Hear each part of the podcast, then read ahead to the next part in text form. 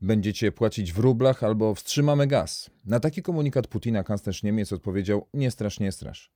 Gdy pojawiły się informacje o masakrze w Buczy, rozmowy o gazowym embargu nabrały innego wymiaru.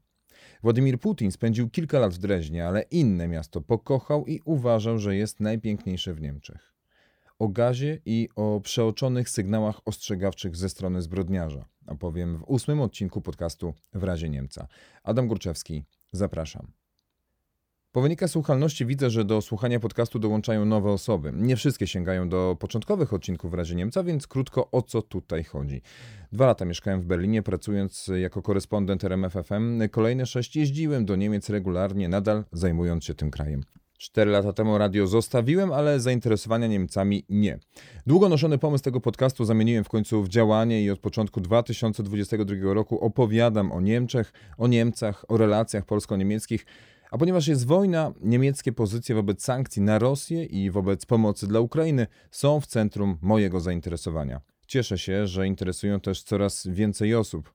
Wiedzą i przemyśleniami dzielę się również na Instagramie i Twitterze, gdzie o Niemczech informuję w miarę możliwości non-stop. Zapraszam i tam. Skoro wojna i sankcje, tematem numer jeden na przełomie marca i kwietnia 2022 roku jest embargo na gaz z Rosji.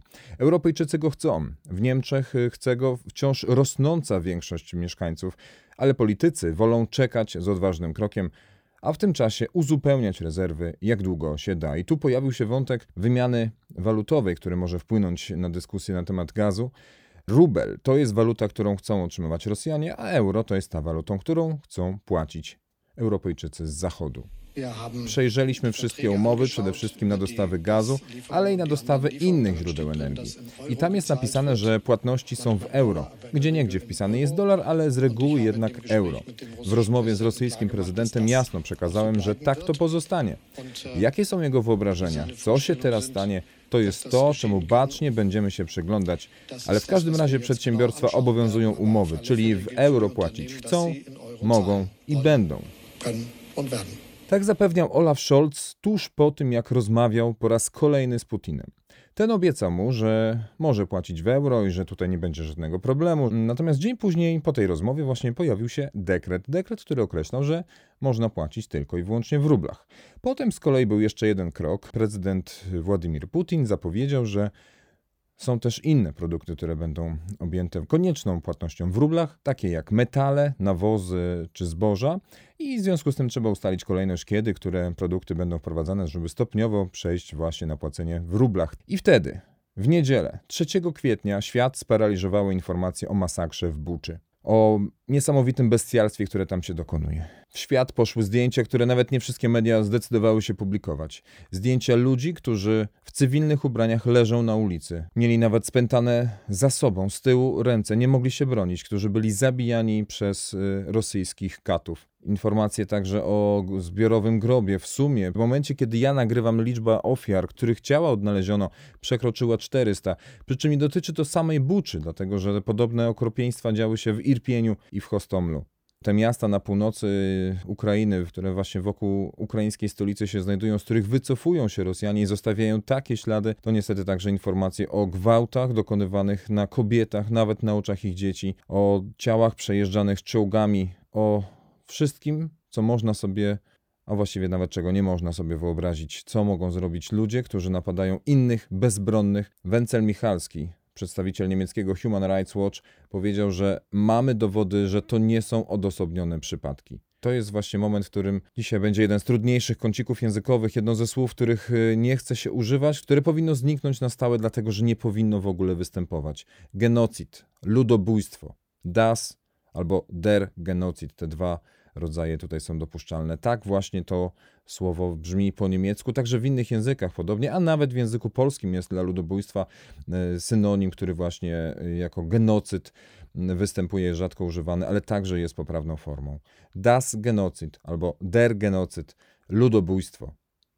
Tu jeszcze warto powiedzieć, że są też inne informacje, które mówią o porywaniu dzieci, o stosowaniu ich jako żywych tarcz. Rosjanie wycofując się z miejscowości, które opuszczali zabierali dzieci, często bezpośrednio od rodziców, wsadzali do ciężarówek, którymi wywozili swoich żołnierzy, tak, żeby Ukraińcy nie mogli do nich strzelać. W ten sposób to, co Rosjanie zarzucają Ukraińcom, stosowanie dzieci jako żywych tarcz, między innymi w Mariupolu jest mowa o tym, że tak podobno robią Ukraińcy, to tutaj właśnie Rosjanie sami to robią. Liczby mówią nawet o dwóch tysiącach dzieci, które zniknęły, które nie wiadomo gdzie są. Te przerażające informacje, które naprawdę sprawiają, że świat zamarł w bezruchu, one sprawiły, że są podejmowane pierwsze decyzje. Litwa, Łotwa, Estonia to są te kraje, które jako pierwsze stwierdziły, że one rezygnują całkowicie już z dostaw gazu z Rosji. Natomiast z drugiej strony, oczywiście są takie kraje jak na przykład Słowacja, uzależniona od gazu rosyjskiego i jeżeli będzie trzeba, to zapłaci nawet w rublach. Niemcy płacić w rublach nie chcą, ale ich politycy cały czas twierdzą, że rezygnacja z gazu z dnia na dzień jest niemożliwa i dlatego nadal będą e, te zakupy dokonywane i w płatności będą w euro.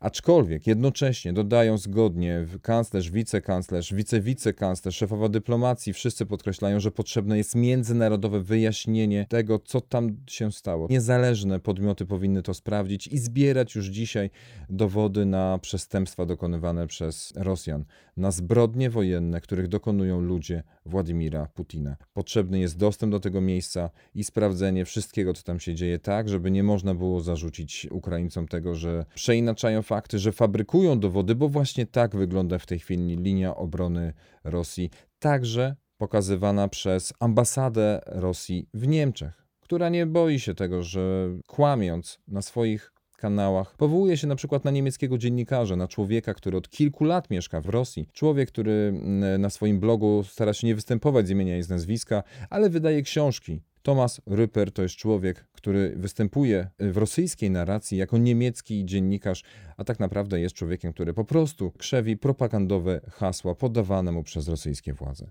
Pojawiła się co prawda informacja na chwilę, że rząd po informacjach z Buczy rozważa jednak wstrzymanie zakupów gazu, że taki temat pojawił się w rozmowach właśnie na szczeblu rządowym, natomiast w ciągu dnia było to dementowane, powiedzieli to właśnie i Scholz, i Habeck, i Lindner, i Söder, że wstrzymanie dostaw gazu nie wstrzyma wojny. My, Niemcy, ucierpimy bardziej niż Rosjanie, dlatego nie warto wprowadzać sankcji, która uderzy przede wszystkim w nas, a nie w tak samo dużym stopniu, a nawet w mniejszym stopniu uderzy w tych, przeciwko którym ma być wymierzona. Ukraińcy mają co prawda zupełnie inne zdanie w tym temacie, natomiast czołowe postaci niemieckiej polityki wciąż uważają, że po pierwsze bez gazu z Rosji będzie trudno, a po drugie, że zamknięcie, nałożenie tego embarga, zatrzymanie dostaw z Rosji będzie bardziej uderzało właśnie w Niemcy niż w Rosję. Przecież przeciwko której takie sankcje powinny być wymierzone.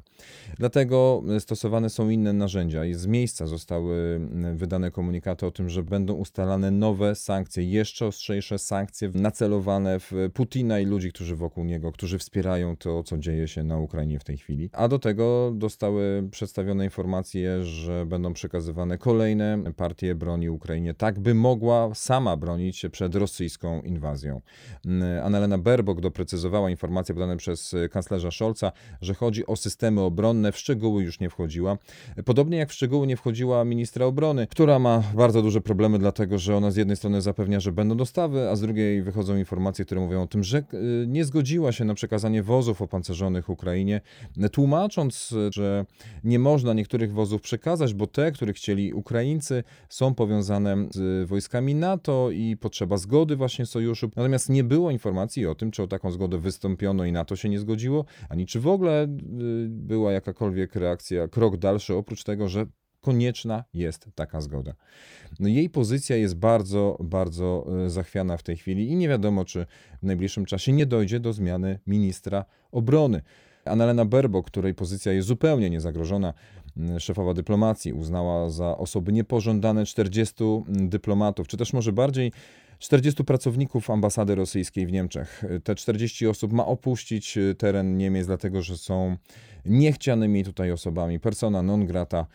E, dlaczego? Dlatego, że są agentami, że kłamią, że przedstawiają propagandę i zaciemniają obraz sytuacji. Nie wskazano, przynajmniej w oficjalnym komunikacie, kto, dlaczego ma odejść, ale właśnie te wszystkie osoby odpowiadają za to, co kłamliwego przede wszystkim e, bądź agenturalnego prowadzi e, ambasada rosyjska i cały aparat dyplomacji i agentury rosyjskiej na terenie Niemiec. minister finansów Christian Lindner powiedział, że od jutra będziemy rozmawiać o ostrzejszych sankcjach dla Putina, użył takiego zdania i w odpowiedzi usłyszał od ambasadora ukraińskiego Andrija Melnyka, dobrze, że od jutra, a nie po urlopie wielkanocnym.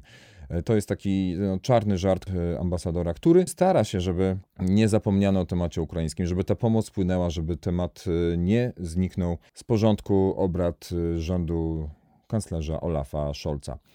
Minister finansów wspomniany przed chwilą powiedział, że nie możemy wstrzymać gazu, jak powiedziałem, i dokładnie tego samego dnia powtórzył to minister finansów Austrii, który także dołączył właśnie do tego, jakby mówiąc, że jego kraj jest jeszcze bardziej uzależniony od rosyjskiego gazu niż Niemcy, no więc Austria tym bardziej nie może zgodzić się na wstrzymanie natychmiastowe odbioru gazu ze strony rosyjskiej.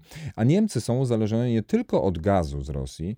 E, Instytut Gospodarki Niemieckiej ogłosił, że z badania jego wynika, stanu gospodarki właśnie tejże niemieckiej, którą zajmuje się, że jeszcze większe uzależnienie niż od gazu jest w przypadku no, niektórych y, pierwiastków. Palat, nikiel, chrom to jest lista tych, które są potrzebne w codziennej działalności. Wiele firm ich potrzebuje do rzeczy, które potem sprzedają mieszkańcom e, i firmom innym. I tu w przypadku właśnie tych e, pierwiastków e, to jest jeszcze większe uzależnienie niż w przypadku gazu. Tutaj mamy ten wątek gospodarczy, gdzie jakie jest uzależnienie, jakie są relacje między Niemcami a Rosją. Natomiast Ukraińcy starają się podkreślić, że chodzi także o etykę. I stąd wizyta Wołodymira Kliczki, brata Witalija, tego mera Kijowa, który obok prezydenta Załęskiego jest chyba jednym z bohaterów ukraińskich, którzy ciągną swój naród i pokazują im, że warto walczyć, że trzeba walczyć, że można odeprzeć rosyjską inwazję. To jest dawny bokserski mistrz świata, który zresztą razem z bratem, obaj bracia Kliczko e, mieli firmę nawet tutaj e, w Niemczech. Y, no i Wołodymir właśnie rozmawiał i z kanclerzami dwoma, dwoma dlatego, że nie tylko Niemiec, ale także Austrii. Karl też przyjechał wtedy do Berlina, kiedy Kliczko się pojawił. Rozmawiał oczywiście z wicekanclerzem Habeckiem, z Annaleną Baerbock, y, z kilkoma innymi ważnymi postaciami, także opozycyjnymi. Wszystkim dziękował i prosił o więcej. Pamiętajcie o nas, Ukraina na was czeka. Jesteście ludźmi, którzy nam pomagają, my to zauważamy, ale potrzebujemy jeszcze więcej waszego y, wsparcia. I właśnie ten drugi wątek, czyli jeszcze więcej waszego wsparcia, jeszcze bardziej bardziej słychać w słowach wspomnianego przed chwilą już e, Andrija Melnyka. Ambasador Ukrainy w Berlinie podkreślił e, i zwrócił się takimi słowami: Przemyślcie swoją politykę wobec Rosji. Jak będziecie robić to tak jak teraz, to to może się powtórzyć. W domyśle, jeżeli teraz nie zatrzymacie Rosji, no to ona u nas zrobi co chce, albo się wycofa być może od nas, ale uderzy w innym miejscu, uderzy także y, w NATO, czyli być może także w Niemcy. No jak widać jest to taki dobry mm, i zły policjant. Te dwa przykłady, czyli Kliczko i Melnyk. No Ukraińcy muszą próbować różnych metod dotarcia do mm, niemieckich władz, dlatego że wojska Putina są coraz agresywniejsze. I właśnie tu się rodzi pytanie, czy można to było przewidzieć? Czy Putin wysyłał wcześniej sygnały, które można było odbierać inaczej niż to było przez lata odbierane? No coraz bardziej wydaje się, że było to możliwe. W poprzednim odcinku mówiłem o Putinie jako agencie KGB, który rezydował w Dreźnie w latach 1985-1990. Mm, małe uzupełnienie na poście na Instagramie umieściłem zdjęcie legitymacji z Ministerstwa Bezpieczeństwa NRD, Niemieckiej Republiki Demokratycznej. W czasach właśnie NRD takie legitymacje mieli agenci Stasi czyli niemieckich służb. Czy Putin w takim razie był także agentem Stasi? On werbował wielu podwójnych agentów, takich, którzy pracowali i dla NRD, i dla mm, Związku Radzieckiego.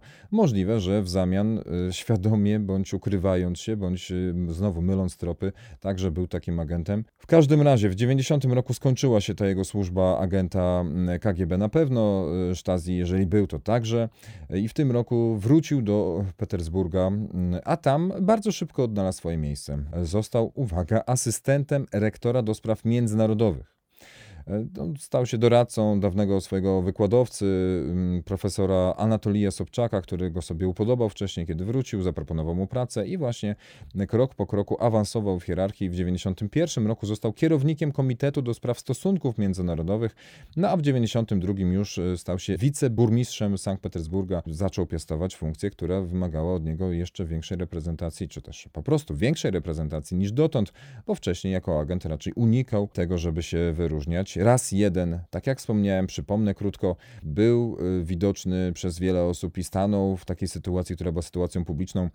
To jest wtedy, kiedy wyszedł do ludzi, którzy w roku 89 protestowali, którzy spod siedziby Stasi w Dreźnie przeszli właśnie pod willę, w której rezydowali agenci KGB i wtedy, jak głosi legenda, z bronią w ręku stanął naprzeciwko tego tłumu i powiedział im, że jego koledzy także mają broń i będą strzelać do wszystkich, którzy przekroczą y, bramę, którzy wejdą na teren tejże willi. Tłum, y, o dziwo, rzeczywiście przyjął te słowa. Nie wiadomo, czy to był blef. Y, tak w każdym razie świadkowie to wspominają, że z pistoletem w broni mówił właśnie o tym, że macie tutaj nie wchodzić i nie wchodzili ludzie, a ci towarzysze z KGB właśnie w tym czasie palili dokumenty. I teraz chciałem powiedzieć krótko o tym, co stało się potem, kiedy już został tym wiceburmistrzem e, Sankt Petersburga, no wielokrotnie odwiedzał Hamburg, dlatego że te dwa miasta były miastami partnerskimi i często to wiązało się właśnie z wizytami.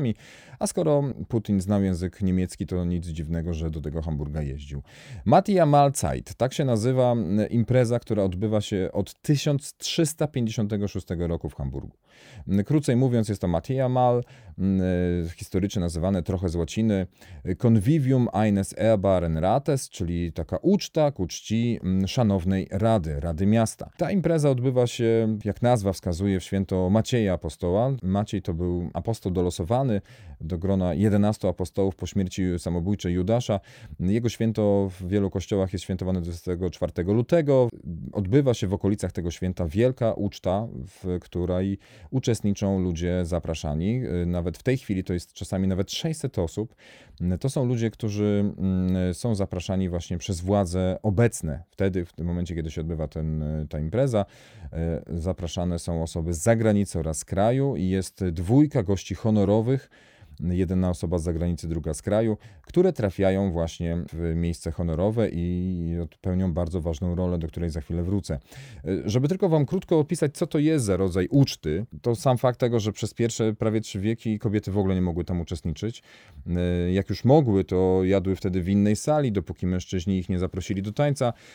W czasie tej imprezy były wielkie przepowiednie pogodowe, to jeszcze nie było czasów stacji pogodowych i programów telewizji ani w prasie, dlatego tak takie raz do roku spotkanie, no to była po prostu wielkie wydarzenie regionalne no, na skalę e, no, bardzo dużą.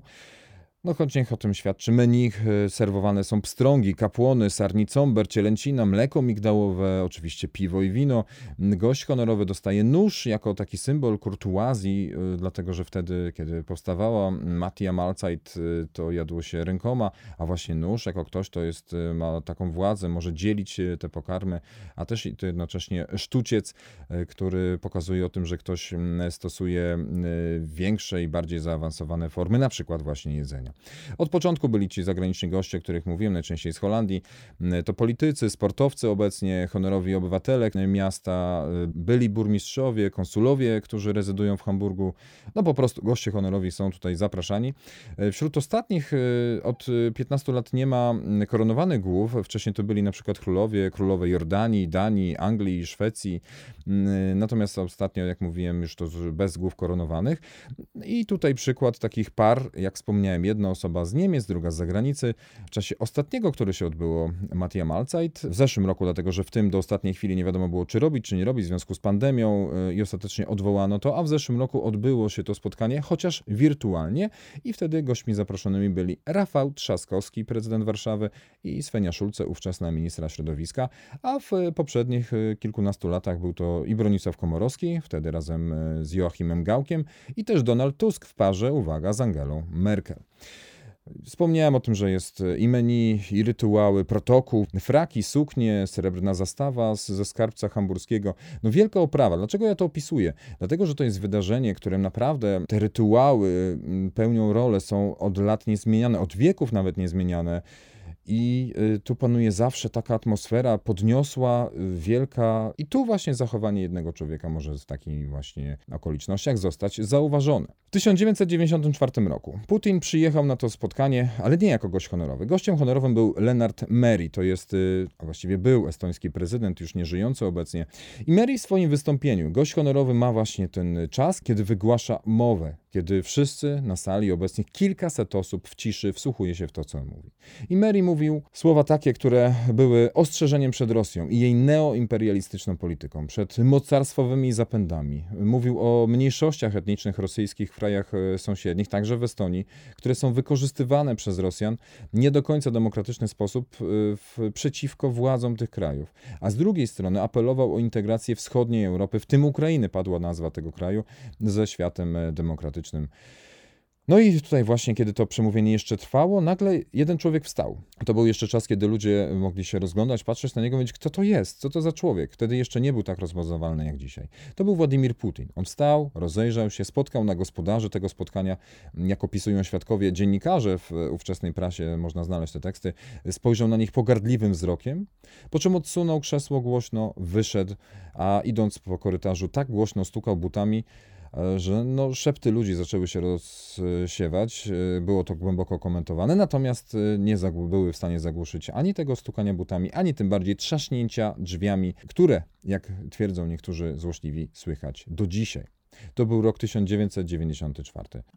Nie wiem, czy to powiedziałem. Hamburg był, y, tak powiedział sam Władimir Putin, y, jego ukochanym miastem. Uważał, że to jest najpiękniejsze miasto Niemiec. Natomiast największy sentyment, y, domyślamy się, miał mimo wszystko do innego miasta. I tu krótko tylko o wizycie z roku 2001, kiedy był w Niemczech, przejechał się do Drezna, do swojego miasta, gdzie jako agent KGB pracował.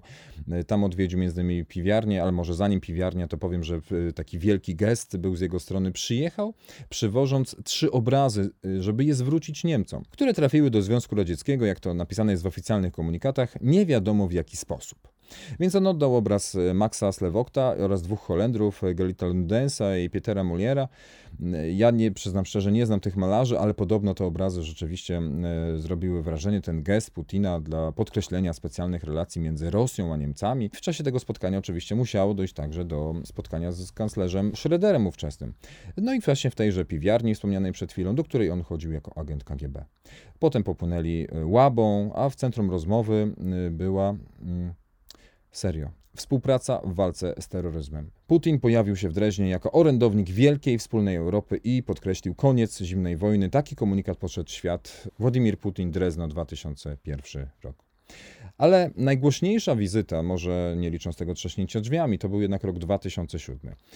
Władimir Putin pierwszy raz uczestniczył w monachijskiej konferencji bezpieczeństwa. To jest największe spotkanie na świecie dotyczące właśnie problematyki bezpieczeństwa. Zjeżdżają się najważniejsze postaci świata, e, Ameryka, Europa, wszyscy przysyłają swoich przedstawicieli do Monachium, gdzie raz w roku dyskutowane są kwestie bezpieczeństwa dotyczące całego świata. I tam pojawia się Władimir Putin, e, zapowiedziany przez e, prowadzącego Horsta Telcika, który właśnie przez 10 lat prowadził spotkania w ramach tej monachijskiej konferencji bezpieczeństwa.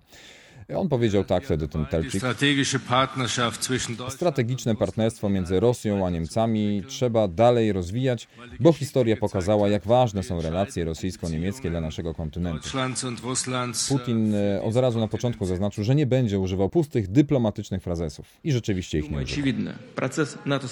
Myślę, że to oczywiste, że proces rozszerzania NATO nie ma nic wspólnego z modernizacją samego sojuszu czy zapewnieniem bezpieczeństwa w Europie. Wręcz przeciwnie, jest to czynnik prowokujący, który obniża poziom wzajemnego zaufania. Teraz mamy prawo zapytać, przeciw komu jest to rozszerzenie? A co się stało z zapewnieniami, jakie nasi zachodni partnerzy dawali nam po upadku Układu Warszawskiego? Gdzie są teraz te wyjaśnienia? Już nikt ich nawet nie pamięta.